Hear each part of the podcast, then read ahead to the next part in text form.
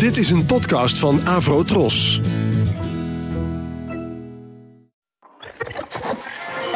Ladies and gentlemen, The Fab Four. Fab Four. John, Paul, George, Ringo. Fab Four. Fab Four. We have for you the Fab Four. Fab Forecast.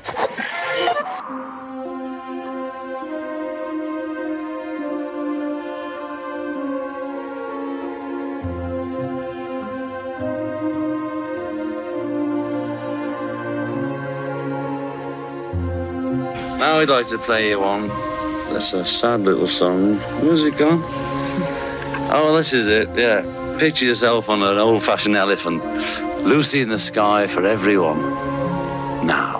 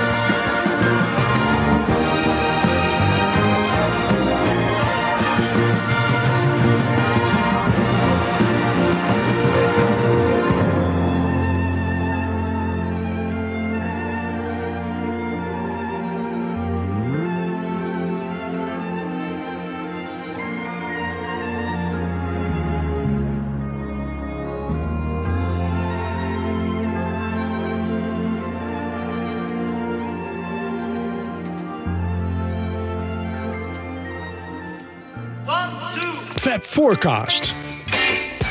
Ja, goedemiddag, goedenavond, goedemorgen luisteraars. Eh, we zitten hier weer in de studio klaar voor een nieuwe aflevering van Sergeant Pepper met Michiel. en... Wibo. Ja, mijn naam is Jan Kees en eh, we gaan weer een nieuwe aflevering beginnen van eh Sergeant Pepper Lonely Hearts Club Band. Ja. Je hebt het allemaal gehoord. Dit was Lucy in the Sky, maar dan een klassieke uitvoering. En ik heb die gekozen eigenlijk omdat heel veel mensen, maar zeker George Martin, die roemde altijd het begin van Lucy in the Sky als s- Beethoveniaanse schoonheid. Hè? Klassie- klassieke eh, schoonheid eh, van deze muziek. En vandaar dat ik dacht van deze versie van het LSO, London Symphony Orchestra, waarin verschillende mensen zitten die ook nog op Beatle-nummers gedurende Sgt. Pepper hebben meegespeeld. Dus eigenlijk even een ode aan de Beatles eigenlijk. ja. Er is in de tussentijd trouwens wel weer eh, revolutionair nieuw eh, informatie over Sgt. Pepper naar buiten gekomen. Hè? Eh, vertel, Nou, ik heb, ik heb het eh, fragmentje van. Ze hebben bij het Day in Jawel, the waar. hebben ze op een gegeven moment alle piano's van heel Londen laten komen voor het laatste slotakkoord. 70 piano's.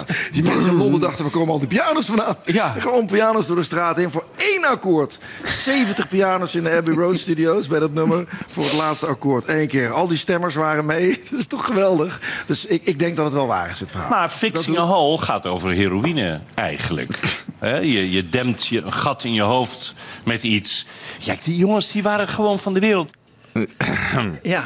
Michiel, dat is een leuke informatie ook voor jou, hè? interessant. Eindelijk komt het naar buiten. Het Nederlandse verval, ik weet nu eh, meer Nou, het is over gewoon heel goed dat Pepper. uiteindelijk feit en fictie van elkaar gescheiden worden door eh Xander. Ja, maar ook zo gedetailleerd, Ja. hè? Want de pianostemmers waren ook allemaal mee, hè? Ja. Echt ongelooflijk. Ja, dit was RTL Late Night, hè? Op eh, volgens mij de vooravond van eh, de nieuwe release. Ja. Of op de dag dat de nieuwe release uitkwam. Ja. Eh, Gerard Ekdom zat ook aan tafel. Die, eh, Ja. die kende de tekst van She's Leaving Home. Monday morning at 5 o'clock. Monday Morning.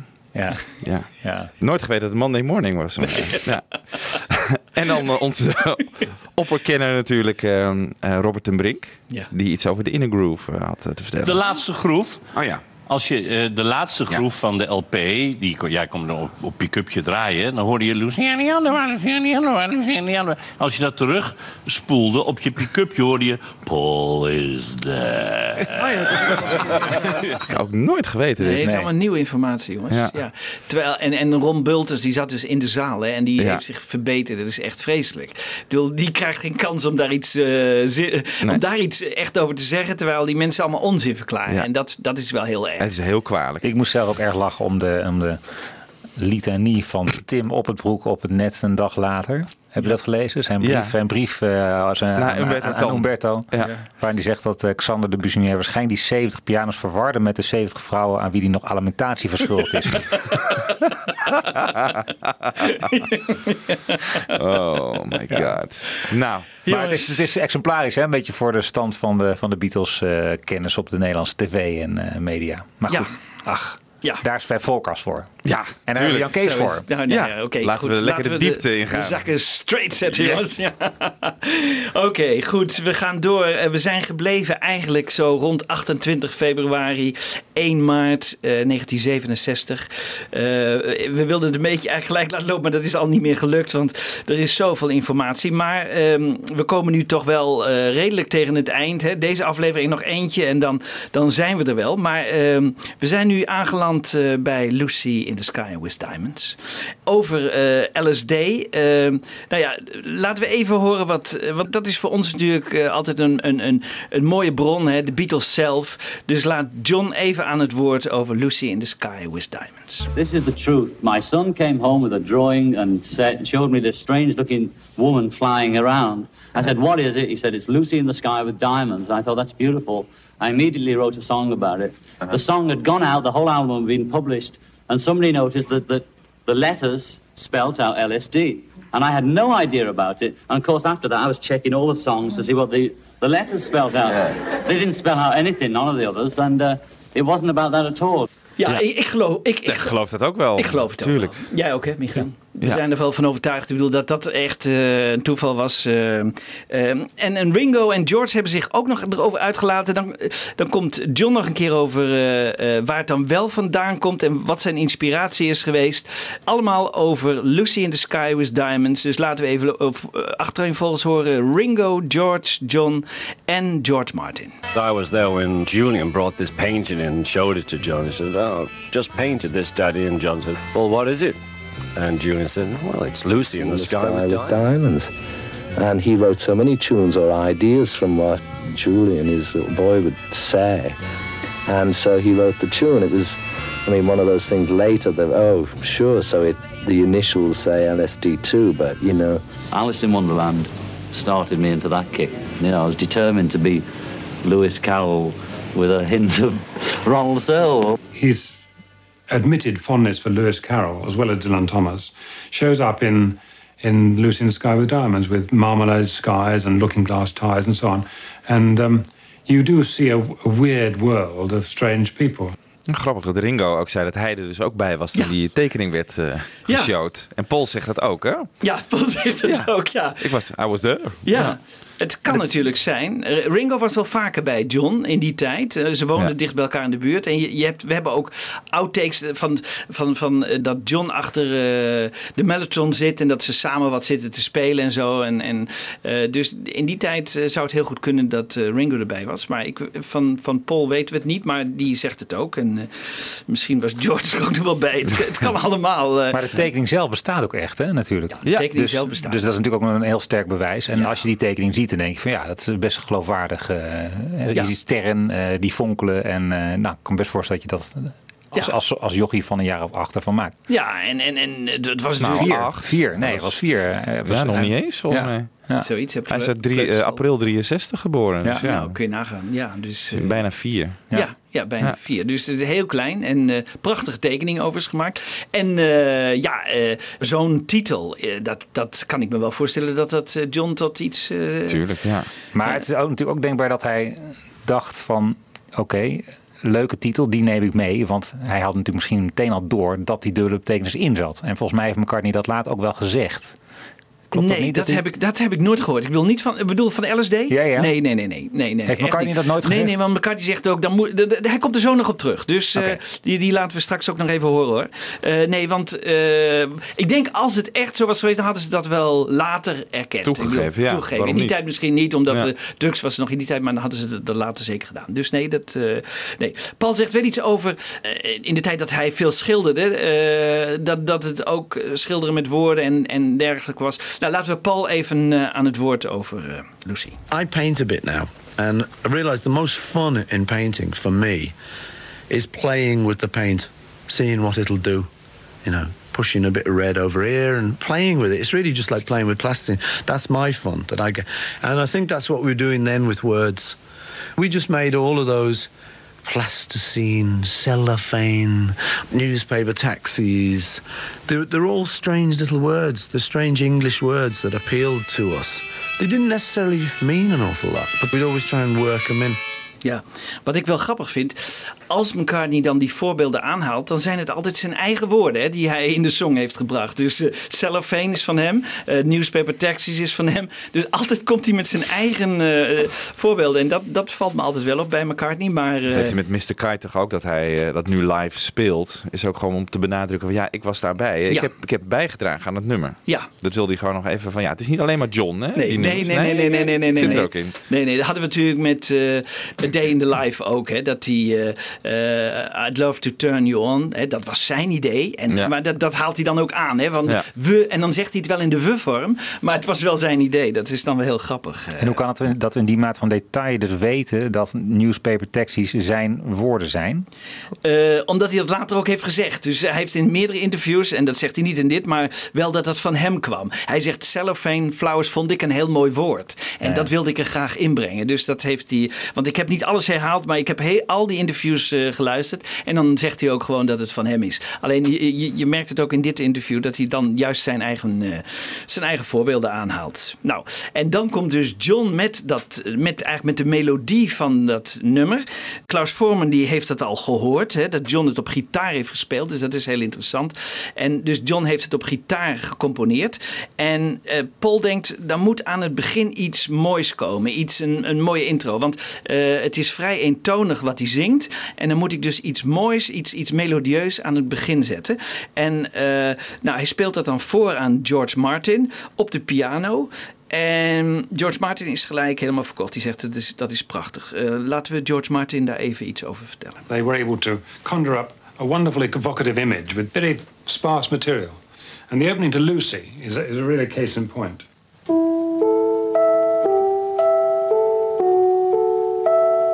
Uh, it's, it's a most wonderful phrase. I think, you know, if Beethoven had been around, he wouldn't have minded one of those. Dan weten ze nog niet waar ze dat op willen spelen. Want dat is natuurlijk ook iets. Hè. Ze willen altijd eh, bijzondere instrumenten vinden. Dus eh, Paul overlegt dat met George Martin. En George Martin die heeft dan wel een idee. Die zegt, zouden we het niet op de Nova Chord kunnen spelen? En dat is een heel raar instrument uit de jaren 30. En dat kon hij zich nog herinneren van eh, BBC eind jaren 30, begin jaren 40. Moet je je voorstellen, dat is een enorme tijd terug. En ik heb een stukje gevonden waarop Billy Mayer, want dat was de uitvinder van de Nova Chord, daar iets op speelt. En, en, en dit was dus het idee wat, wat George Martin had van als Paul dit nou op de Nova Chord kan spelen. Nou, laten we maar even een stukje luisteren. With Nightfall, we'll take you over to Grosvenor House, London, to meet that prince of pianists and popular dance band leader, Billy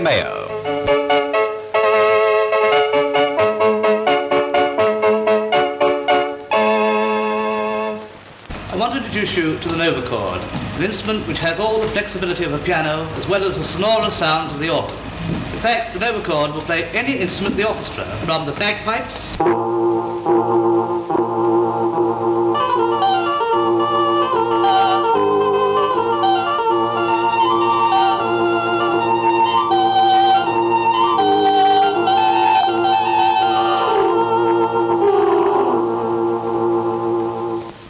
klinkt al een beetje hè, zoals die, die begin-tune. hè, die, die, want hij vindt dan uiteindelijk het, het Lowry-orgel.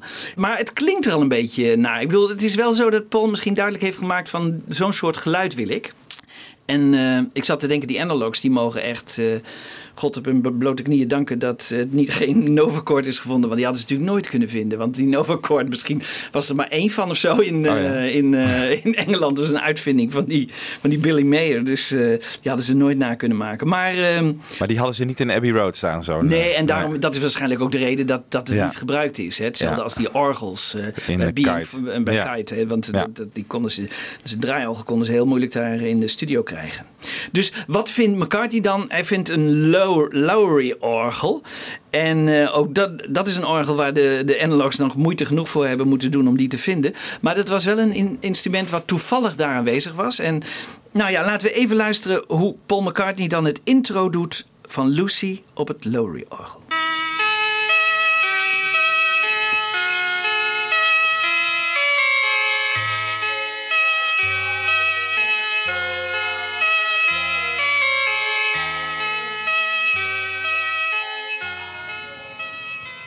Ik heb hem even losgehaald, maar eh, prachtig begin natuurlijk. Hè? Zeker. Dat is echt, eh, dat is weer eh, de, de verdienste van Paul McCartney, toch? Die- Maar heeft hij dit ook geschreven, dit hij of heeft bedacht? een stukje, ja, hij heeft Ja? dit bedacht. Dus hij heeft dit bedacht, dit, dit echt, eh, dit hele stuk, als tegenwicht tegen eigenlijk de eentonige tekst eigenlijk die John uitspreekt daarna. Hè? Want er zit niet Nee. veel melodie in. Nee.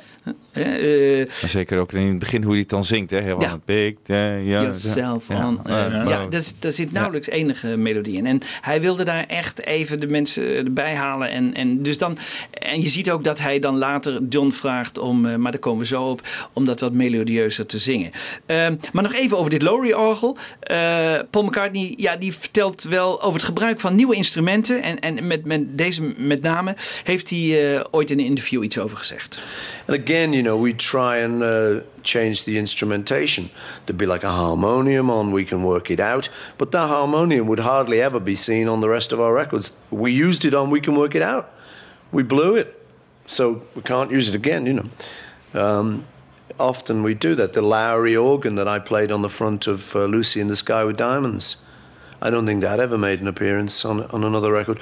So this was the philosophy was like that every single track should be different. Why not? Ja, dat was hun eh, theorie. En dat is natuurlijk heel erg leuk. Want daardoor krijg je een grote verscheidenheid hè? In, in nummers en alles. eh, wa- waardoor die nummers eigenlijk nooit op elkaar gaan lijken. En dat is natuurlijk fantastisch met die, met die nieuwe instrumenten die ze allemaal gebruiken. Ik geloof wel dat het Lowry-orgel nog wel eens vaker hebben gebruikt, maar niet heel veel.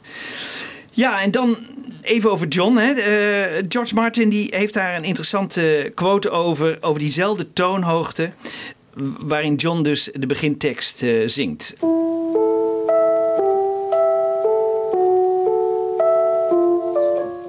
And over that very, very simple and beautiful phrase, John sang just one note.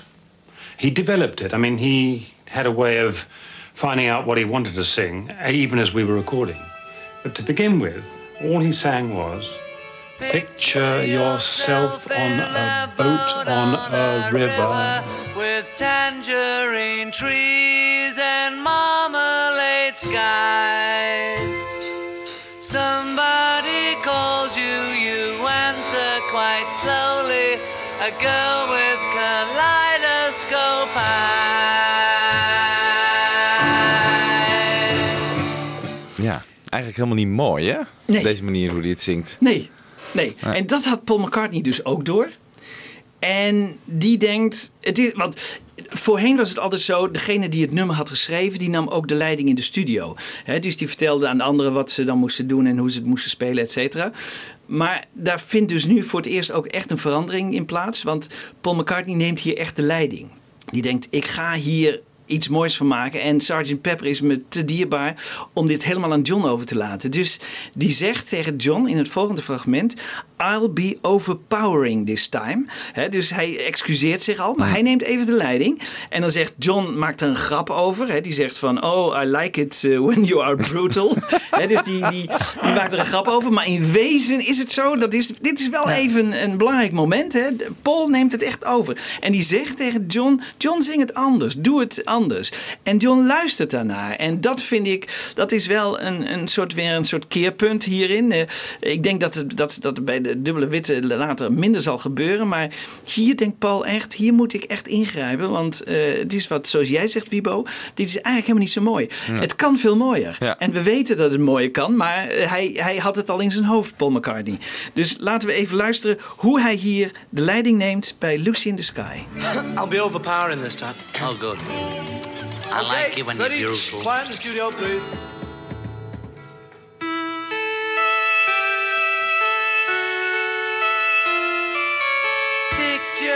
Yourself in a boat on a Right in with it, one. Me. Sing those quicker. Cellophane flowers of yellow and green. Yellow and green. Okay. Anyway. Cellophane flowers of yellow and green, towering over your head. Dit is eh, McCartney die dan even de leiding neemt. Ja, interessant. Ja. Gelukkig. Wat, wat, wat, wat wordt er verder met zijn stem gedaan, met de stem van John? Want die, die klinkt... eh, Ja, die is veel, ja daar, daar kom ik straks nog even Ja. op terug. eh, want die is eh 3% eh, sneller. Overigens, dit is het allerlaatste nummer waar ze heel veel met, eh met very speed, dus met, met verschillende snelheden zullen doen. Zelfs drie verschillende snelheden in één song. En hierna is het eigenlijk bijna afgelopen, want bij de witte dubbele LP zullen ze dat nog maar heel weinig doen. En dat, dan neemt het echt af. Dan, dan komt het weinig meer voor. Maar hier, dit is nog echt een, een nummer waar ze daar heel veel eh, mee doen. Dan denkt McCartney ook, ehm, goh, ik moet ook in het basspel extra eh, toevoegingen doen. En George Martin en Paul McCartney, ik geloof dat het bij de Anthology is dat ze samen achter, de, achter het mengpaneel zitten en nog een keer luisteren en dat ze beide hun, eh, hun visie daarop geven. Laten we even naar eh, George Martin en Paul McCartney horen over Lucy. Notice the tape echo on the voice already, even though this is a very early rehearsal take. No bass again. No. Because it was much better for me to work out the bass later, you know. Yeah. I think you it allowed me to do. Yeah, I think I was. Thanks, mate.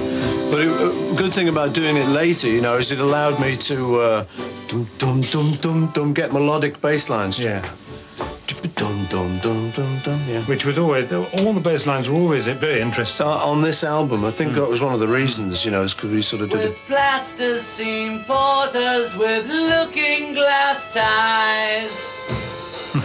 Suddenly someone is there at the turnstile. The girl with kaleidoscope eyes. Go for it! Hey! Ja, dat was uit de making of eh Sgt. Pepper. Oh, dat was de making of Ja. Sgt. Pepper. Ja, Ja. ja. Ja, Wel, wel heel erg leuk. Ik bedoel, dan, dan zie je hoe die twee reageren op die, op die eerste versie van, eh, van Lennon. Hè. Die, die, ja, dat is wel... En ehm, nou, laten we even... Want Paul McCartney die gaf hier al een beetje... En het is heel leuk, want hij geeft inderdaad wat hij dan al aangeeft. Hè, hoe hij die bas speelt. Dat, zo klinkt die bas ook. Want laten we even een minuutje luisteren naar eh, de bas geïsoleerd van Paul in Lucy.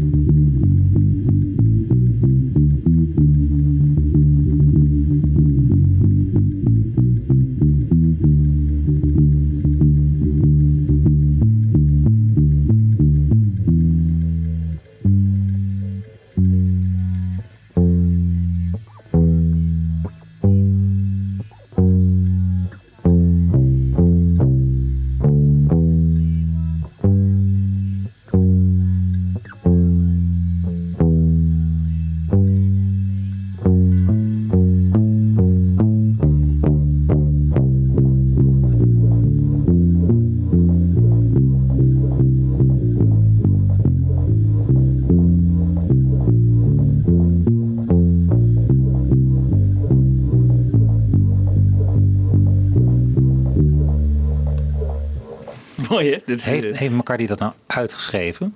Nee. Of, Nee. Dat is Nee, helemaal gewoon.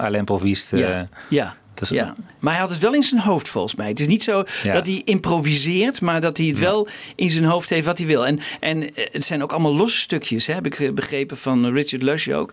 Dat die allemaal, eh, dus dan deed hij weer een stukje en dan keek hij aan, aan- ook naar de anderen, hè, naar, naar, naar Jeff Emmerich en eh, vaak naar Jeff en, en Richard, want het was vaak heel diep in de nacht en dan was George Martin er niet meer. En dan keek hij of het goed was en als zij zeiden van oké, en dan gingen ze weer door. En dan, maar net zo lang totdat het echt helemaal goed was. Dus dat is wel op zich is interessant. Nou, dan even over de rol van George Harrison. Want ehm, sinds onze laatste aflevering hebben we eigenlijk niks meer van George gehoord. Eh, hij moet het toen heel moeilijk hebben gehad. Want volgens Giles Martin, heb ik nu in een van die laatste publicaties gelezen, is het toch zijn vader geweest die tegen George heeft gezegd: Only a Northern Song moet eruit, komt er niet in, is niet goed genoeg.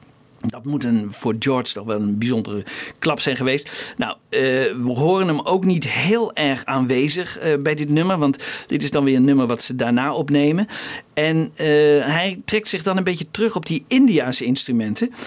En eh, hij gaat bij deze en bij het volgende nummer gaat hij de tambura eh, in actie brengen. En ik, ik heb nooit begrepen dat, hij, dat dit, nummer toch ook hierbij wel een redelijk belangrijke eh, functie heeft gehad. En dat kunnen we horen als we de overdubs horen. ehm, over Lucy in the Sky. En we horen dan ook verder een gitaar ehm, akoestische gitaar en een orgel. En op de achtergrond horen we de White Elephant. Nou, eh, jullie kennen dat nog, hè? dit is die grote speaker. En met een vol- volgens mij eerdere guide vocal van John nog. Dus die heeft volgens mij nog niet helemaal ingezongen. Maar ze, ze maken, doen al wel de overdubs. En George komt dus met de tambura aan. En dat is een soort instrument. Ja, het is moeilijk uit te leggen, maar eh, het is een Indiaans instrument eh, die een lange eh, toon geeft. En, Snaarinstrument, toch? een snaarinstrument, hè? Ja, ja, ik weet niet verder hoe ik dat kan uitleggen. Maar als je hem zo meteen hoort, dan, dan herkent iedereen hem van eerdere Beatles. Zat hij ook niet in Tomorrow Never Knows? Tomorrow Never Knows Ja. was hij echt ook heel belangrijk.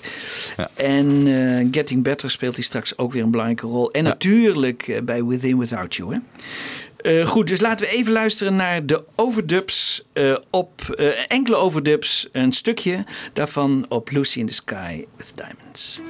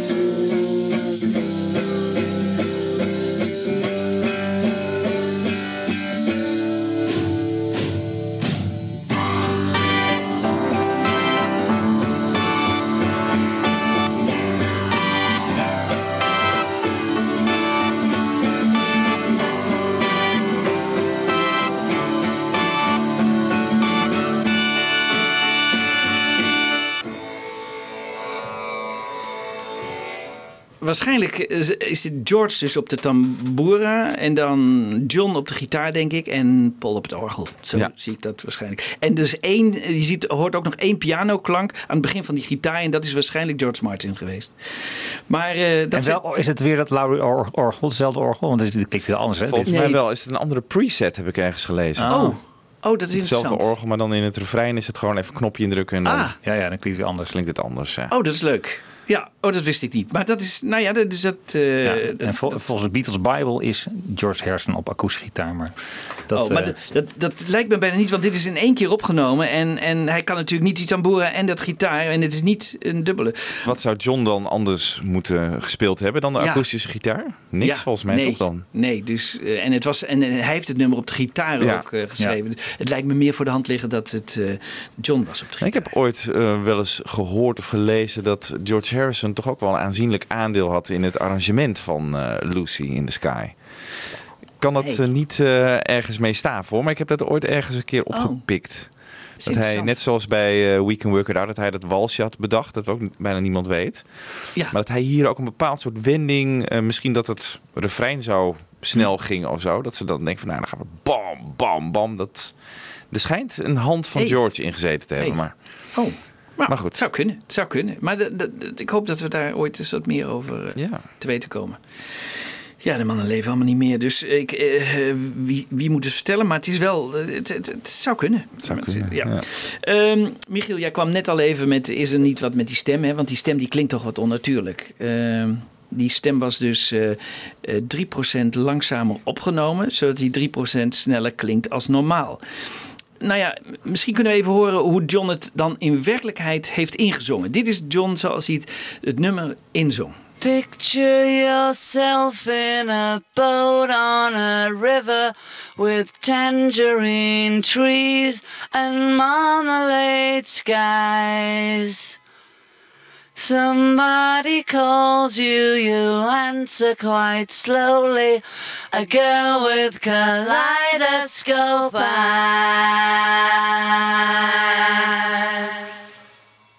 Cellophane flowers of yellow and green towering over your head.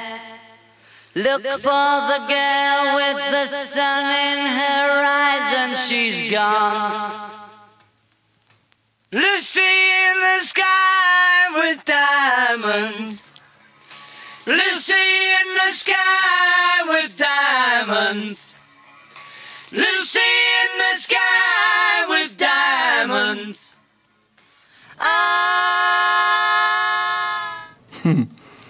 Ja, hadden ze ook uit kunnen brengen, hè? Gewoon. Had ze ook uit kunnen brengen, Ja. toch? Ja. Alleen de vocalen, prachtig. Maar het hoeft voor mij helemaal niet zo eh, heel snel. Maar misschien Hm. vinden jullie het mooier als het 3% sneller is. Wat voor effect zit er op die stem? dan? Precies, dat bedoel ik. Er zit, Ja. er zit nog, iets, er zit nog iets op, lijkt het wel. Heel veel reverb, veel echo Ja. zit erop. Ja.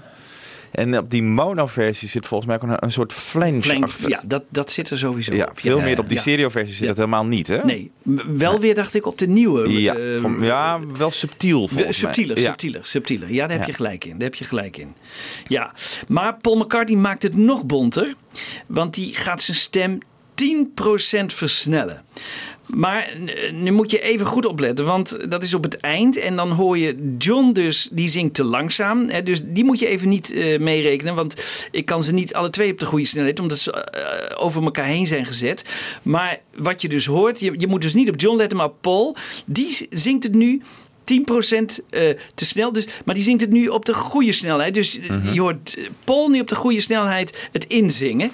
En dat wordt later sneller. Eh, dat zal ik ook even laten horen. Maar eerst even hoe Paul het in, inzong. eh, op de juiste snelheid. Lucy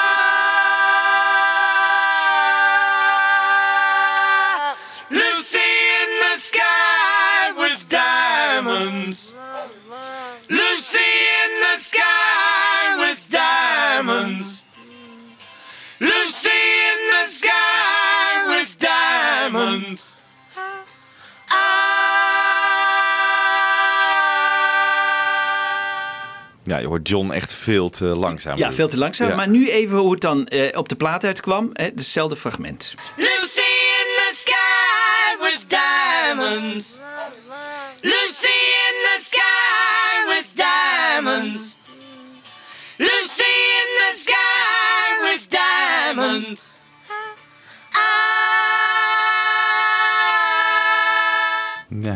bijna smurfachtig, hè? Ja, Precies, ja. Het is echt een beetje die, eh, hoe heet dat tekenfilmpje ook weer?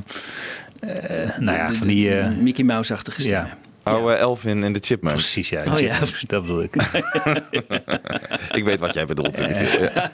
ik kan gedachten lezen. Maar dit, ja, eh, gaan ze niet te ver. Ik, ehm, ja, jullie verdedigen ze over het algemeen nog wel. Maar hier eh, zie ik toch enige twijfel bij, bij de heren. Ja, het was mij eigenlijk nooit zo opgevallen dat dit eh, nee. versneld klonk of zo. Nee. Op de plaat. Omdat er zoveel instrumenten onder zitten. en Er gebeurt zoveel. Ja. ja, en dan valt het minder op. Maar als je het isoleert, Ja, dan hoor je het heel duidelijk. dan hoor je het heel Ja. Duidelijk. Hè? Ja, ja. Eh, Richard Lush, hè, is dat man, dat is de tape operator. Hè, dus je had de technicus, maar hij deed de tapes en zo. Hij moest ook zorgen dat, dat de tapes op het goede moment ingestart werden. Dus als er halverwege eh, iets eh, overheen gezet moest worden, dan moest hij dat. Dat was heel verantwoordelijk werk, want als je dat te, te snel deed, dan, dan, dan wist je wat van het eerdere. En als je het te laat deed, dan, dan was het ook niet goed. Dus hij maakt hier een klein foutje. Na hi, dan hoor je eh.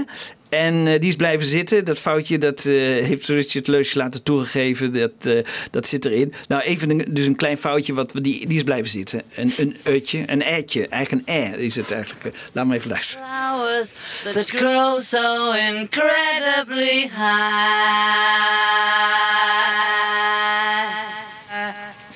Newspaper Ja. taxis appear. Maar hier moest je dus blijkbaar wat... Ja, want dan- dan- dan- daarna kwam John dus weer. Hè, dus, Met een heel ander effect Met een ander stem. effect. En Ja. hij wilde waarschijnlijk niet eh, het voorgaande wissen. Dus hij is iets te laat ingestart waarschijnlijk. Waardoor die eh is blijven zitten. Ja. Nou ja, eh, en, en, die, en, die, die kon, en die hebben ze niet weggehaald. Het was ook heel moeilijk. Bij de mixage moet je dan heel snel de, de fader terug en weer op. En nou ja, fijn, dat was in die tijd. Hè, nu met de computers is geen enkel punt. Maar in Ja. die tijd was het natuurlijk heel lastig. Ja, tot slot, ehm, ja, de, voor de film Yellow Submarine eh, is het begin ingezongen door volgens mij een van de acteurs. En eh, toen hebben ze dus een speciale mix gemaakt voor, eh, voor die film. En ehm, er zit dus een, een, een soort tekenfilmachtige stem ook aan het begin. Laat maar even luisteren. Volgens mij nooit gebruikt. Sky with Diamonds is RM20.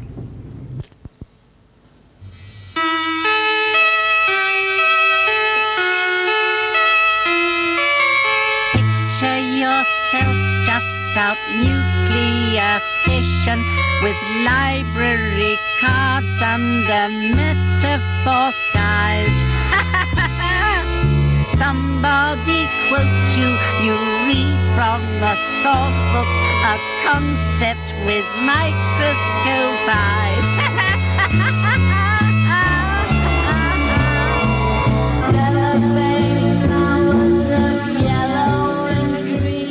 Maar zit dit niet in de film? Ik kan het me niet herinneren, maar misschien zeggen jullie wel Dit is die eh, Jeremy, toch? Dat kleine...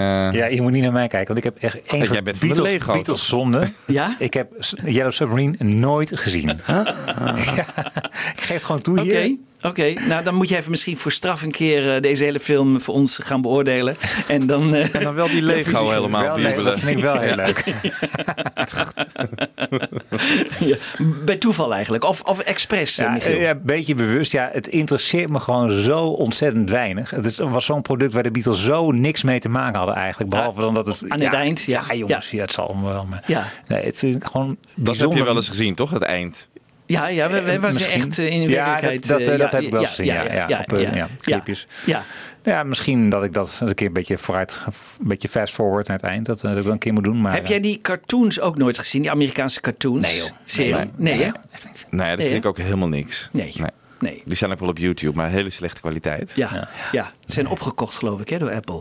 Ah, oké. Ja, die- daar liggen de rechten nu. Maar eh, Om nooit weer uit te brengen waarschijnlijk. ik weet het niet. eh, ja. Ja. Beatles zelf vonden het helemaal niks ook, hè? Die cartoons uit Amerika. Nee. Nee. Nee, maar van Yellow Submarine hebben ze gezegd van... nou, als we hadden geweten dat het dit... dan hadden we het misschien zelf moeten inspreken. Ja. En zo, die waren eh, uiteindelijk toch wel redelijk enthousiast, heb ik weer begrepen. Klopt. Dus toen ze hem hadden gezien, hadden ze eigenlijk spijt dat ze... Dus- ja, maar dat is toch niet, dat is toch niet echt een positieve kritiek dan? Ik bedoel, ja, Jawel, ze, ze vonden eigenlijk dat, dat anderen dat niet hadden moeten inspreken, maar dat zij dat zelf hadden moeten doen. omdat het er eigenlijk zo goed uitzag. En, en misschien ook wel betere nummers hadden moeten eh, leveren. Dat, Ja, het het waren allemaal wat- leftovers, Ja, hè? leftovers. Ja. En, eh, en weggooiers en, eh, die ze nog hadden. Maar goed. Ah, je Eh, moet wel even een keer kijken. Is goed, Ja, is goed. en dan, je en, gewoon dan, en dan zijn we heel benieuwd naar jouw oordeel. Want dan, give, me, give Ja, my regards en Yellow Submarine film Sorry. Leuk. Dan doen we de Ruttles erbij. Kunnen we nog lachen? Ja, nou, ehm, inmiddels is het dus eh, eh, begin maart en eh, de, de, de, de EMI-mensen gaan klagen. Dus ehm, de studiochefs en zo, die zeggen van ja, jullie zijn nu al zo lang bezig.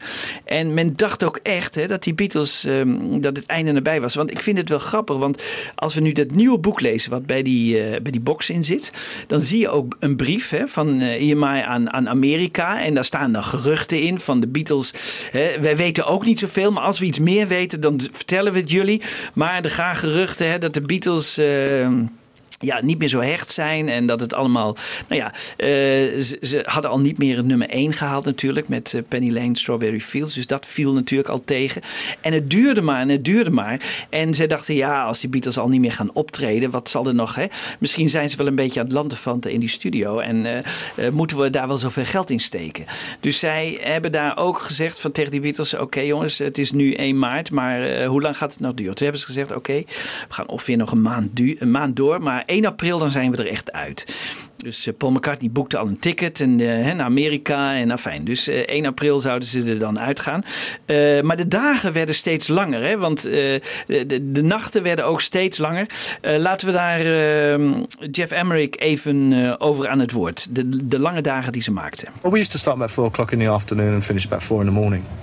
We did work the hours out, and it was actually roughly about 700 hours recording time, which in those days was a lot. Um, I think that was spread over a period of going three, three months, four months. Um, but because that's nothing now. But the concept of the album only really came together after about six tracks had been completed. And it was only, you know, Paul had this idea of merging the whole whole thing into like a, a show, which it was supposed to be, you know. Ja. En, en George Martin die heeft het ook nog even over het gebruik van Studio 2. Hè? Iedereen, elke artiest die daar maar even eh, eh, te lang in zat. Hè? Want overdag kon je daar natuurlijk wel gebruik van maken. Als je 's ochtends en 's middags. Maar als die Beatles het in hun hoofd kregen om 's middags in één keer naar de studio te gaan. Dan moesten de art artiesten die toevallig die studio had geboekt. Die moest eruit. En George Martin zelf ook. Die had eigenlijk weinig keuze. Die werd dus gebeld door eh, Neil Aspinall. Zo van, nou ja, wat heb je geboekt en zo. Nou ja, als je niet kan, maak maar dat je kan. Laten we George Martin daar even over aan het woord. They could really dictate what they wanted to do. So that when they wanted to record, everybody moved out of the way. If Cliff Richard had number two, then the managing director of EMI had to ring up Cliff and say, Cliff, would you mind giving up number two because the Beatles want to come in? Which didn't make us all that popular, actually. But consequently, that um, I would often get a phone call at 10 or 11 in the morning from Neil Aspinall saying, uh, George, boys want to come in tonight at 8 o'clock. And if I'd say, well, sorry, I can't make it, Neil, he would say, well, unmake what you're doing, would you? And that was the kind of thing. Invariably, we worked um, evenings, quite sometimes afternoons, rarely mornings, because they were still asleep. Um, I was chatting to George recently, a couple of weeks ago, before he went off to America to finish his new album, and um, we was talking about Pepper, and, he, and, and I, I was saying, you know, I, I objected to the way people always talked about the, the drug taking in those times, as you know, because I, I never took drugs. And I said this to him, and he said, Yes, you did. I said, Of course I didn't. He said, You did. I said, How can you say that, George? He said, Because I slipped it in your coffee to keep you awake. I said, You devil. Het is ook echt een beetje de schoolmeester. Mooi, you devil, weet je wel. Het is Ja. Een beetje de schoolmeester die, die, die zijn leerling eigenlijk terecht roept. Hè? Wat Zou het echt gebeurd zijn? Zouden ze echt bij hem in de koffie? Ja, ik weet het niet. Nou ja, misschien wel. Ja, hè? Heel grappig. Maar het is geen LSD geweest natuurlijk. Het is gewoon Nee. eh, Nee. een upper. Ja, want Ja. ja. een upper. Want dat, daar komen we nu aan. Hè? Want nu komen we bijna bij het, bij het beroemde geval van John Lennon. Die de verkeerde pil nam. Maar ehm, eerst eh, daarvoor eh, namen ze de backing track op. Want we zijn nu bij Getting Better. En eh, Getting Better, ja, die wordt zo rond 9 tot 10 maart. de backing track wordt dan opgenomen. En hier ook horen we weer eh, de invloed van George. Weer met een tambura. En dat kunnen we goed horen op take 12. Eh, laten we even luisteren naar de eerste 35 seconden van de backing track van Getting Better.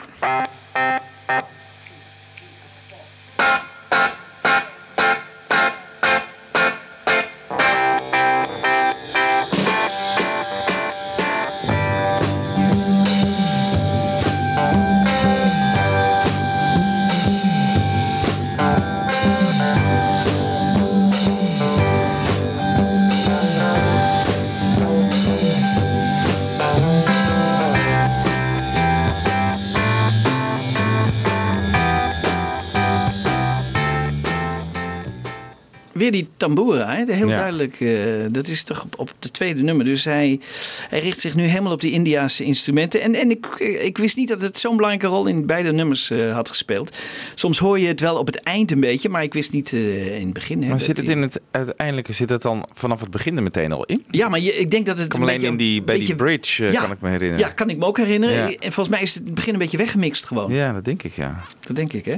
Ook in prachtige fragmenten trouwens, Jan Kees, toch? Ja. Bedoel, eerst die felle gitaar en hoe snel in een, in een fractie van een seconde verandert het totale klankbeeld eigenlijk. Hè? Er komt er opeens een orgeltje bij en een, eh, Ja. die tamboer inderdaad. Ja. En, Ja. ja, het is een, een- op en tot Beatles meteen. Ja, heel knap. Heel knap. En dat, dat is wel het leuke van, ook van die box nu, dat we dat soort dingen ook weer kunnen horen. Maar heel mooi. Ja, heel mooi. Eh, Getting Better, jullie weten de, waar de tekst vandaan komt? Ja, Jimmy, Jimmy, hè? Good old Jimmy. Ja, ja, good old Jimmy. Ik hoorde van iemand die zei Jimmy zou overleden zijn. Hebben jullie daar iets over gehoord? Nee, Nee. ook niet hè? Nee, nee, nee. Oké, goed.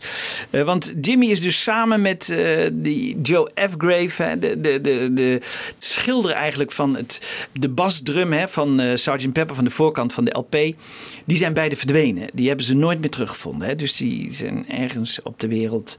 En dat zijn dus twee mensen die allebei wel een rol hebben gespeeld in deze. Mhm. Toch een klein rolletje, maar... Dus de ontwerper van die die is ja. ook spoorloos. Nooit meer teruggevonden. Hè. Die, eh, die kreeg 26 dollar voor twee basdrum. eh, 26 dollar. 26 dollar. Hallo. En, en zeven jaar geleden is het voor een miljoen eh, verkocht. Dus, en die andere hangt bij Paul McCartney eh, thuis. Maar die twee, die zijn dus helemaal verdwenen uit het spectrum. Ja, want even om dat van Jimmy Nicol nog even eh, ja, te vertel verduidelijken. even. Ja, vertel even. Hij zei tegen John en Paul vaak, hè, als zij hem vroegen van, eh, van hoe gaat het? Hè? Als vervanger van Ringo, dan zei hij van, ah, it's getting better. En dat bleef een soort eh, terugkerende grap onder de Beatles. die deden dat gewoon als een soort stopwoordje of een quote tussendoor als ze met elkaar aan het geinen waren. En toen heeft Paul daar dus een nummer over geschreven. Ja. Of dat als uitgangspunt genomen in ieder geval voor eh, Getting Better. Ja. En dat weten we weer omdat Hunter Davies eigenlijk met hem door het park heen liep. En eh, toen zei Paul McCartney Getting Better. En toen zei hij, oh, dat is misschien een aardige eh, titel voor een nieuw nummer. En Dus hij was er eigenlijk bij dat het geboren werd. Dus dat, en dat, dat maken we natuurlijk zelden mee. En dat was eh, het mooie van Hunter Davies. Dat hij een gedeelte van de Sgt. Pepper tracks heeft gevolgd. En ze echt ook letterlijk volgde. En ja, en dan de- over de tekst van Getting Better. Hè, die is echt... Paul McCartney zegt, dit is een, dit is een gezamenlijke... Het idee kwam van mij, maar het is echt een gezamenlijk nummer tussen John Lennon en mij, zegt hij. En dan, dan vertelt hij natuurlijk ook nog even... eh, Can't Get No Worse. Maar laten we Paul McCartney daar even eh, over aan het woord. Is this getting better? Getting better is his chorus, and then uh, both together writing the sort of Chuck Berry-ish sounding. But I know that input about beating and all that was from me, and the, the references to schools and things like that. Yeah, we did that together. Definitely, I remember doing that. Uh, I was on piano, and no, that was that was a kind of a co-written job. That I wouldn't really even say that was my song. That was, was I think it was my idea called "Getting Better." Idea was mine, but all that the teachers at school and all that sort of stuff. And I mean, the killer line off that that I really remember as being John's, which was like so John. I mean, this is why you just couldn't be replaced. This kind of thing was that I was doing. Um, it's getting better. It's getting better all the time. And he comes up with, couldn't get much worse.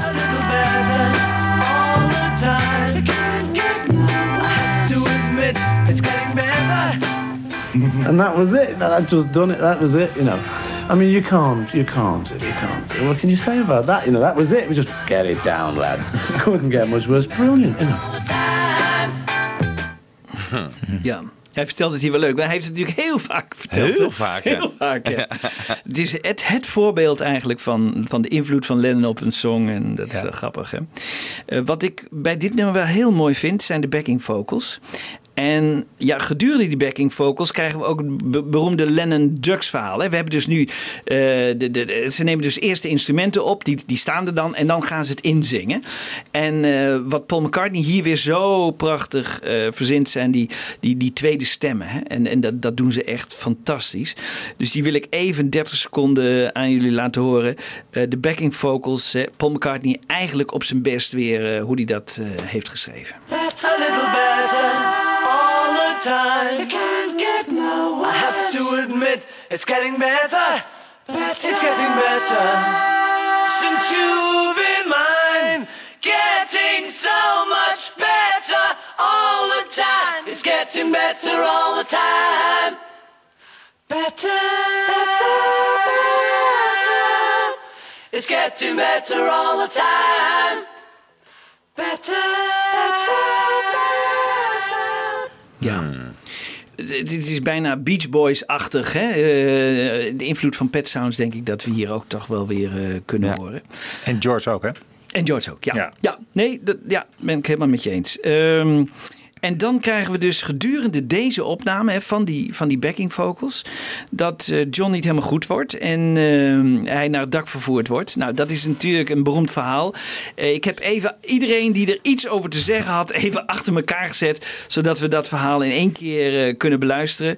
Eh, hoe werd John niet goed hè, eh, eh, tijdens deze opname? Laten we ze allemaal maar even aan het woord. I was aware of them smoking pot, and they never did in front of me. They would always um, have Mal roll them a joint, and they'd nip out into the into the canteen and lock it, or else go into the loo and have a have a smoke and come back again, beaming all over their faces. I wasn't aware that they did anything really serious. Um, in fact, I was so innocent that I actually took John up into the roof when he was having a an LSD trip, not knowing what it was. I never took it in the studio.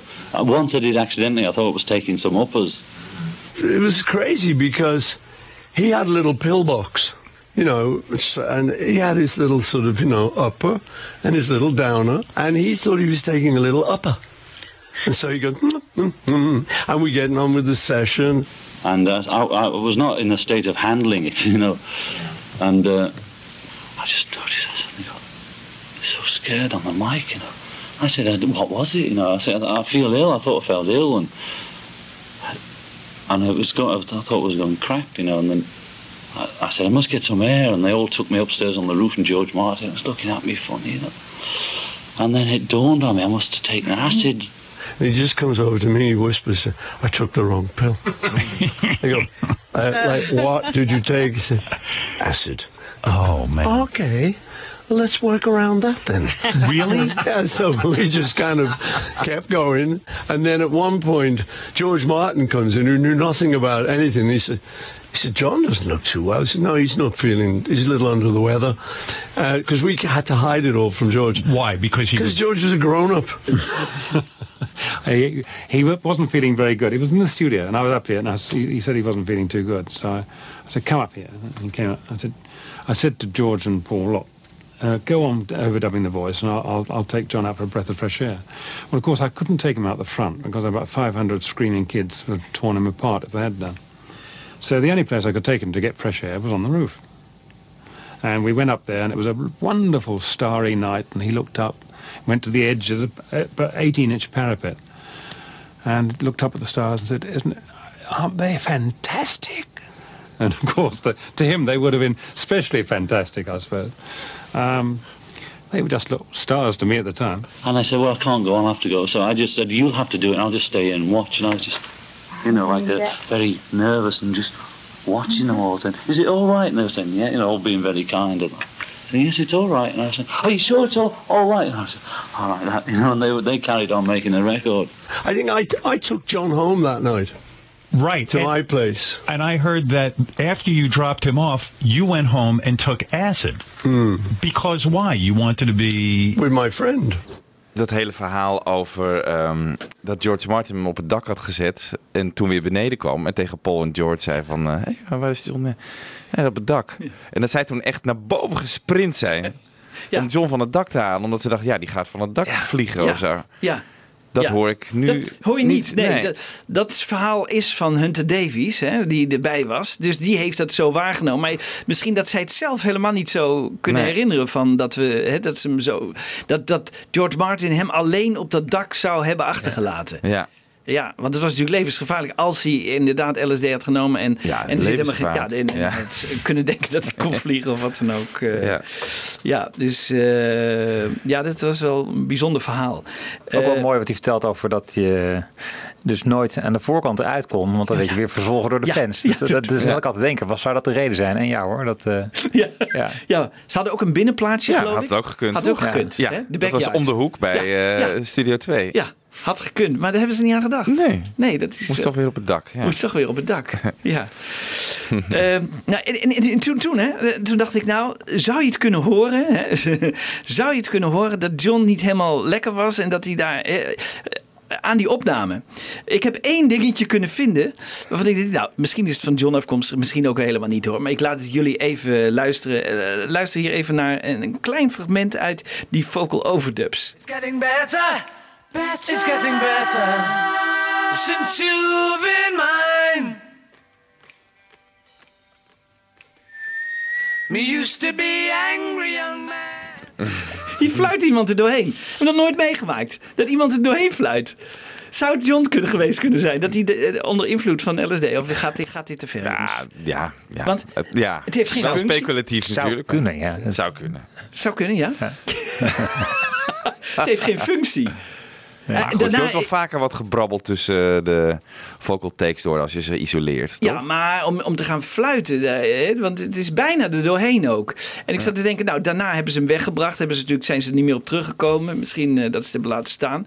Maar ja, het, het hoeft niet hoor. Maar het heeft ook geen andere. Ik, ik kon er niks voor verzinnen. Maar Ja. dit, dit, ik dacht, misschien heeft het te maken met. En Paul heeft dus inderdaad LSD genomen Ja. om in dezelfde staat als eh, te zijn. dat, dat is wel echt een vriendschap, hè? Ja, Ja. wel mooi. eh, Voor de eerste keer Ja. ook, hè? Voor de eerste keer eh, Paul McCartney eh, LSD. dat schijnt. Ja. Maar ik ho- hoorde ook wel eens dat hij eind 66 wel wel eens LSD heeft geprobeerd. Maar Oh. Maar ja, dat... En waar, want wat, welke dag is dit? eh, dat, hij dit dat dit wordt opgenomen? Ja, moet ik even kijken. Dit is Ergens maart. 21, 23 Ah, maart. Ja, 21 tot 23 maart. En in juni dan geeft hij een interview en dan zegt hij van ik heb ook al LSD genomen. Ja. Ja. Nou, dit was eh, Getting Better. En we gaan nu over naar 22 maart, eh, de eerste sessie. Ehm, George Harrison komt terug. En hij komt terug met een, met een Indiaas nummer. En eh, hij vertelt eerst even over zijn ontmoeting met Ravi, Ravi Shankar. En over eigenlijk dat hij een beetje genoeg heeft van het materialisme in, in het Westen.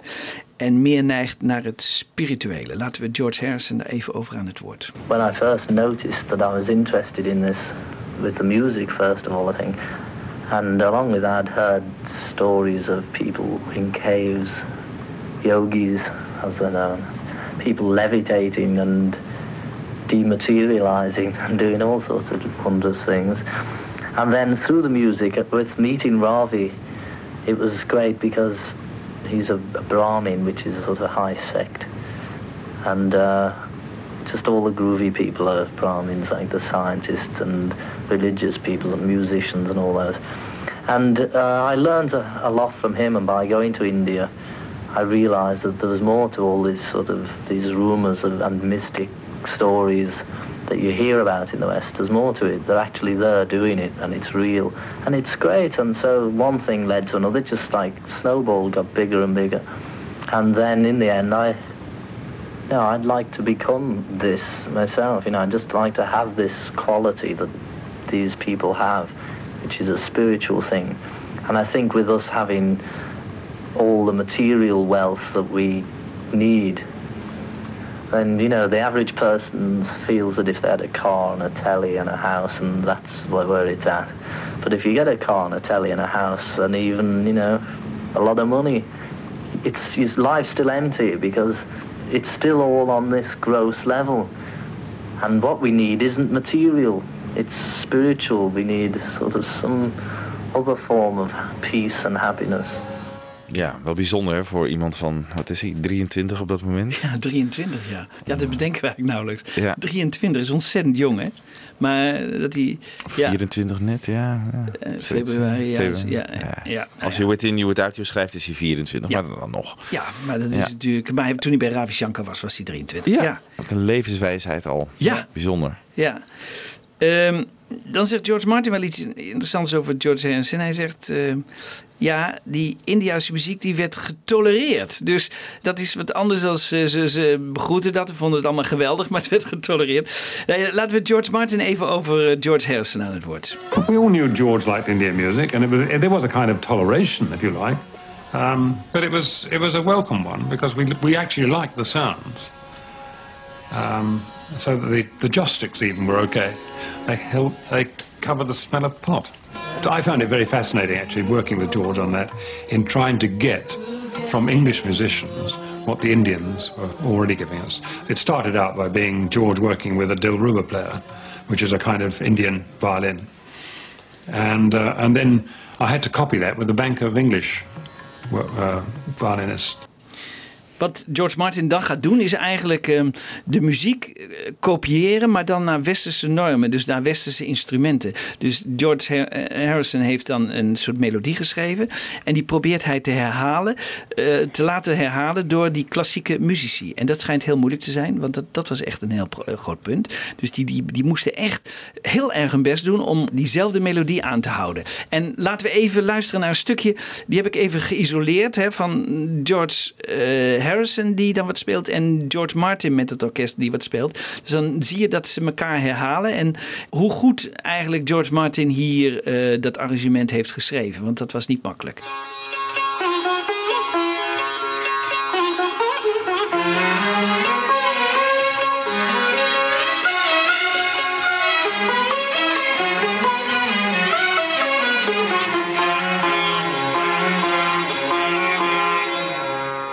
Ja, dit is dus heel, het was- schijnt heel moeilijk te zijn geweest voor die. eh, die schijnen ontzettend eh, hun best te hebben moeten doen en heel veel eh, hebben moeten herhalen en zo. Is dat een heel orkest of zijn het gewoon Nee, een, het zijn een aantal. eh, acht violen of zo, zoiets? zoiets? Ja, het is niet een. Het is niet een nee, want zelfs bij DN Live hè, mochten ze niet een heel orkest in de studio Een hebben. leuk Dus- trucje voor bedacht. Ja, maar Ja. dit zijn gewoon een aantal eh files, ja. Dan de tekst van Within Without You. Laten we George Harrison even over de tekst aan het woord. It's like within you, without you. You don't have to actually be with somebody to feel their presence. Yeah. Because in actual fact, you know, I am a bit of him and he is a bit of me and they are a bit of mm. us. You know, we're all really a mixture of each other. Within You Without You was just my way of trying to make a Western pop song using some of those instruments and some of those sounds. Ja, dus hij wil een westerse popsong maken.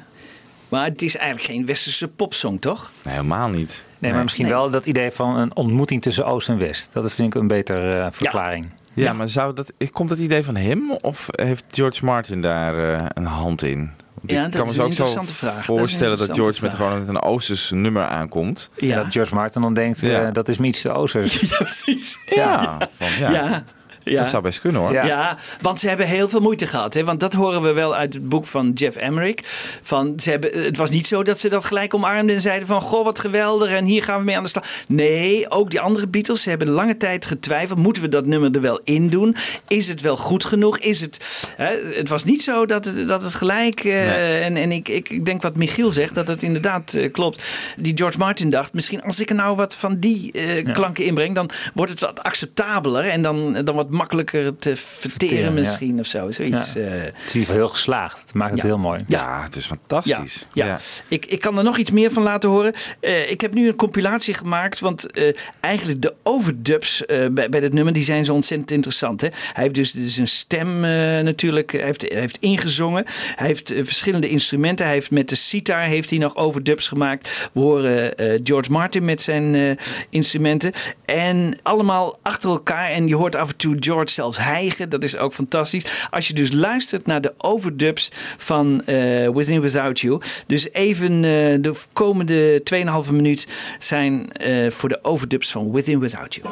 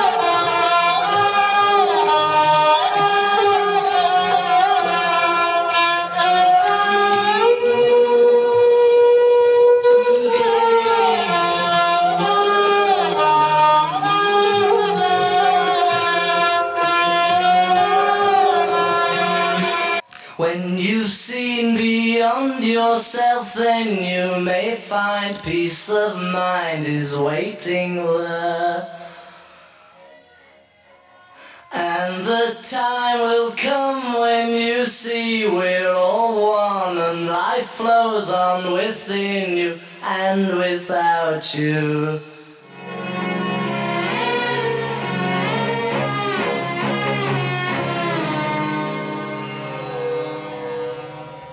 Ja, allemaal eh, voor George. Hè? Hij heeft het ook overigens. eh, de- de andere Beatles schijnen daar niet. nou, echt helemaal niks mee te maken te hebben gehad. Hè, bij die hele overdubs. Richard Lush zegt dat hij één keer een Beatle naar beneden heeft horen gaan.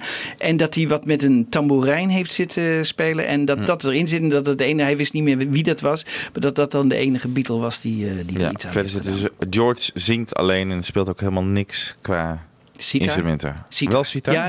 Ja, ja, ja, ja, ja. Hij heeft eh, de sitar, die sitar, eh, die overdub wat net was dus van, van George. Oké. Ja. Dus hij heeft wel eh, wat eh eraan gedaan, maar hij heeft voornamelijk de leiding genomen. En dat horen we ook heel goed op die nieuwe Pepperbox. Ja, mooi is dat, eh, dat hij is die, echt, eh, eh, heel mooi. Ja. Voordat we nog even op dit nummer terugkomen, want daar eindigen we zo mee. Maar eerst nog even over de overgang van eh, With Me Without You naar When I'm 64. Dat is natuurlijk een enorme overgang. George was daar, Harrison was daar een beetje bang voor. Hij zegt, nou, het is natuurlijk een serieus nummer. En dan krijgen we in één keer Paul McCartney met... When I'm 64 en een beetje vaudeville-achtig nummer natuurlijk. En, en hoe krijg ik die overgang? eh, hoe, eh, een beetje. Dus hij dacht, als we daar nu wat mensen laten lachen. Daar waren overigens was niet iedereen het mee eens. Maar George wilde dat heel graag, George Harrison, dat, eh, dat er gelachen werd. Dus eh, we kregen uiteindelijk eh, een lachsessie. En sommigen, er wordt, wordt verschillend in, in alle boeken en zo wordt er verschillend over geschreven. Sommigen denken dat het de Beatles zelf zijn die hebben gelachen. Anderen zeggen nee, het is uit eh tapearchief. Maar laten we toch even horen hoe dat lachen dan klonk in die eh, overgang van With and Without You naar When I'm 64. And without you.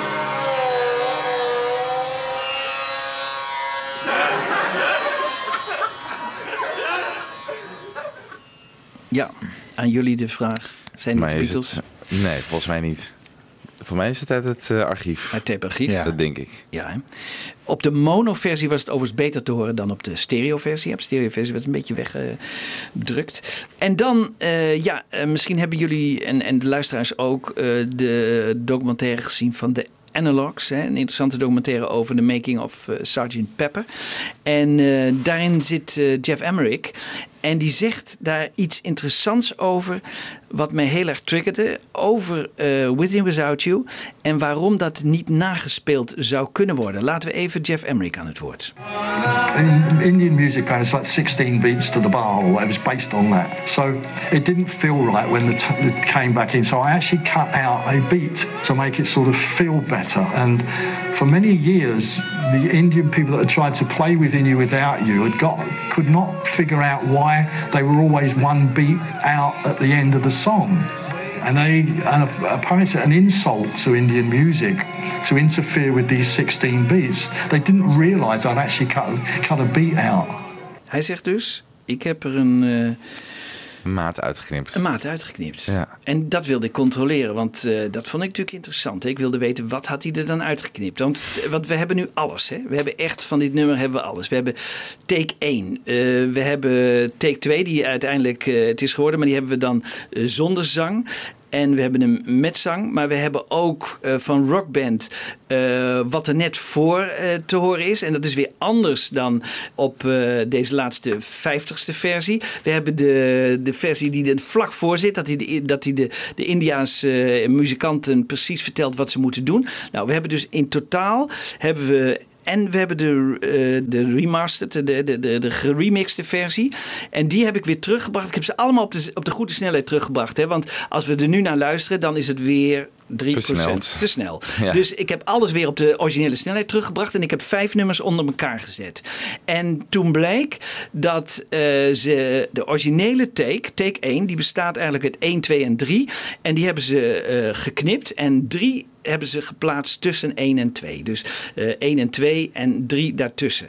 Ehm, dus dat kon ik ook doen.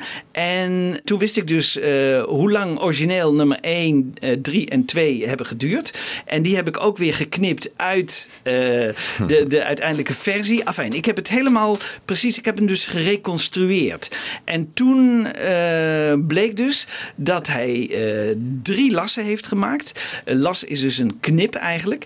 En hij heeft de eerste knip die hij heeft gemaakt. En misschien kun je de microfoon even openlaten, eh Wibo. En dan, dan luisteren we even naar. Want ik heb, ik heb er twee witjes tussen gelaten. Dus dan hoor je precies wat hij weg heeft geknipt. Bij de eerste las. Dus laten we even luisteren.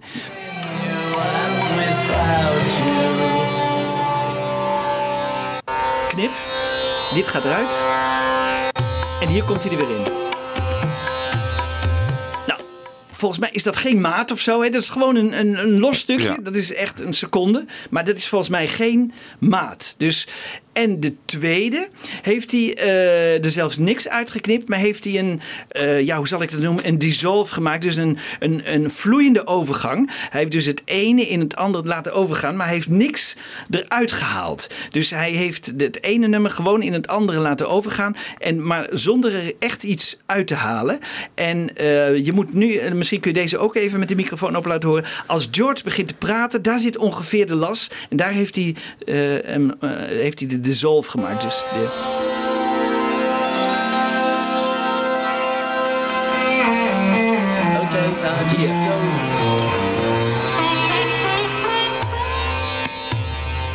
Heeft hij echt heel knap gedaan. Echt heel knap gedaan. Want eh, je hoort hem eigenlijk nauwelijks. Maar ik, ik kon precies zien op mijn eh, computer. Oh, daar zit de las. En dus bij, als George eh, begint te praten. En dat zit dus niet in het originele nummer. Hè, dat, dat hebben ze eruit gehaald. Ja. Ze het gewoon eruit gemixt. Maar als George zegt van oké. op, op dat moment komt hij er eigenlijk weer in. Dus er is geen beat uitgehaald. Nou, nu heb ik een reconstructie gemaakt van dit hele nummer. En daar wil ik eigenlijk deze aflevering eh, mee besluiten. Ehm, waarin je dus eh, de zo lang mogelijke versie hoort. Want eh, Mark Lewis zegt er zou een versie van 6.25 bestaan. Maar die bestaat er volgens mij niet. Wat Mark Lewis heeft berekend is eigenlijk wat wij horen op de 50ste versie. Dan hoor je hem ook de, de muzikanten instrueren. Hè? Dan, dan hoor je hem echt. Nou, en die gaat eigenlijk over in take 1. En ik denk dat hij dus een heel stuk gewoon heeft meegerekend van dat instrueren van die. Omdat de tape gewoon doorliep. Ja. En, en dan gaan ze in één keer dat nummer opnemen. En dan is het ook in één keer eigenlijk goed de basistrack. En eh, eh, die is dan eh, 6,25 volgens eh, eh, Mark Lewison. Maar dan rekent hij gewoon een heel stuk mee vanaf het begin. Ik heb. Maar heel even, Jan Kees, want jij zegt hij maakt dus wel een las, maar geen knip. Eh, zei je dat nou? Hij maakt geen knip. Zei je net. Ehm, eh, hij maakt dus wel een knip in het begin. Hè. Twee kleine, één, één seconde haalt hij er ongeveer uit. Maar dat is geen beat of zo. Dat is, dat is, dat is nog een, Iets een uitstervende een noot. uitstervende Ja. noot eigenlijk. Ah, een ja. uitstervende noot. En bij die tweede maakt hij een soort dissolve. Hè. Dus dan gaat de ene muziek langzaam in de andere over. De een st- sterft weg terwijl de andere al inkomt. En dat vind je heel knap, zei je net. Eh, dat- Dat heeft, nou, hij heeft dat zo knap gedaan dat wij het eigenlijk nauwelijks kunnen horen. Ik moest het echt zien op de computer. Waar heeft hij die last gemaakt? En dat heeft hij dus echt heel knap gedaan. Maar daar is ook weer niks uitgehaald. Dus de- ze heeft eigenlijk die complete take eh, eh, van beide gebruikt. En heeft niks du- gedubbeld. Of, maar dat heeft hij gewoon heel knap gedaan. Maar hij heeft dus geen beat eruit gehaald. En nu moeten we wel zeggen, Jeff Emmerich Het is een hele aardige man, maar hij, zijn geheugen laat hem wel eens in de steek. En, en hierbij ook. En ik denk dat, dat dit niet helemaal klopt. We Ja, maar hij drukt zich niet helemaal even uit, maar hij herinnert zich- wel. Ik heb er echt wat mee gedaan. Ja, dat herinnert hij zich wel. En dat, dat weten ze natuurlijk ook. We hebben erin zitten knippen. Hè? Want, want, want eh, het derde k- couplet moest eigenlijk naar het midden.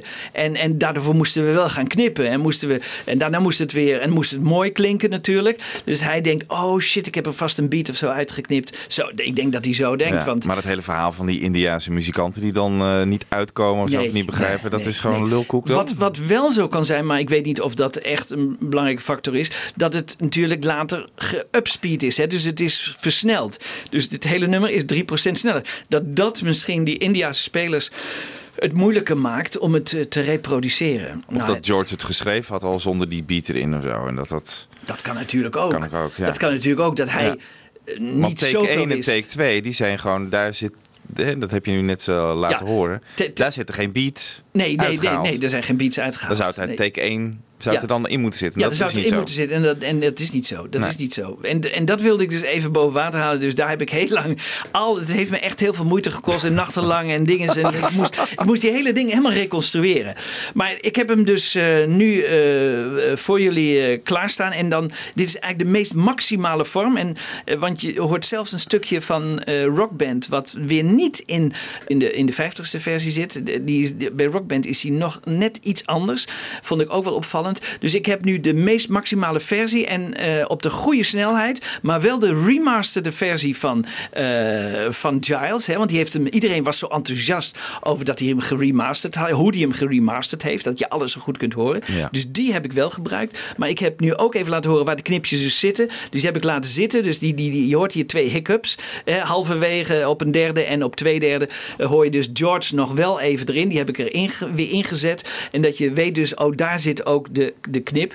En eh, hij, hij draait dus nu op de echt goede snelheid. Zoals die is opgenomen. En eh, nou daarmee wil ik eigenlijk eindigen met dit eh, historische nummer van eh, George Harrison. Within Without You. En eh, dit is dan het einde van eh, deze aflevering. Deel 5. Nou, Deel op naar vijf. deel 6. Op naar deel 6. En dat is toch echt het slot dan, dat is Jan echt het slot, hè? En even, even, even een la- een laatste Ja, opmerking. ja. Overal waar jij in deze aflevering Within Without You hebt gezegd, bedoel je Within You Without You. Hè? Want ja, we krijgen weer brieven en mails. Dankjewel Michiel. Je hebt helemaal gelijk. Ja. Eh, Je hebt gewoon het woord eruit geknipt. Mooie last gemaakt. Ja. nee, maar voor de purist inderdaad. Hè. R beta A, dat bedoel ik. Hè, dus. Oké jongens. Has George written anything this time? Oh yeah, he's Yeah. done a great one. Great one. A great Indian one. We came along one night, had about 400 Indian fellas playing here, and it was a great swinging evening, as they say. It's even wrong here. Okay, should we try from the beginning?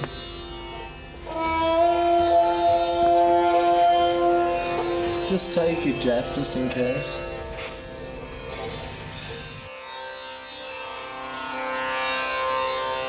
Take one.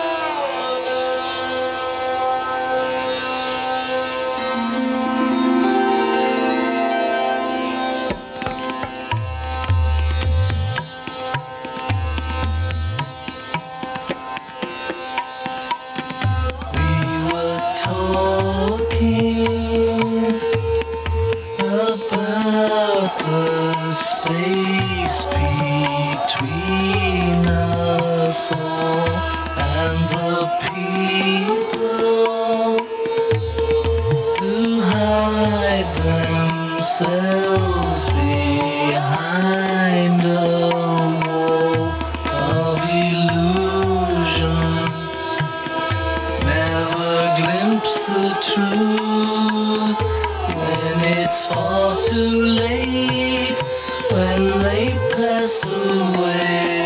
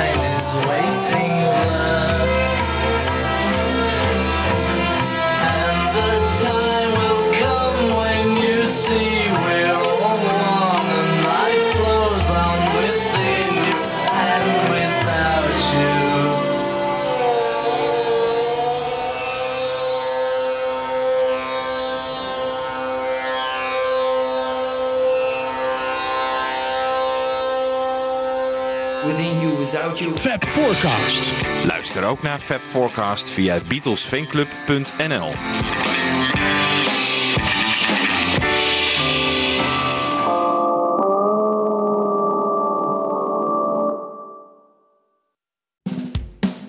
Dit was een podcast van Avro Tros. Wij maken tientallen podcasts per week. Van klassiek tot pop, van actueel tot archief, van reguliere radioshows tot speciaal voor podcast gemaakte programma's. Kijk voor meer podcasts op avrotros.nl.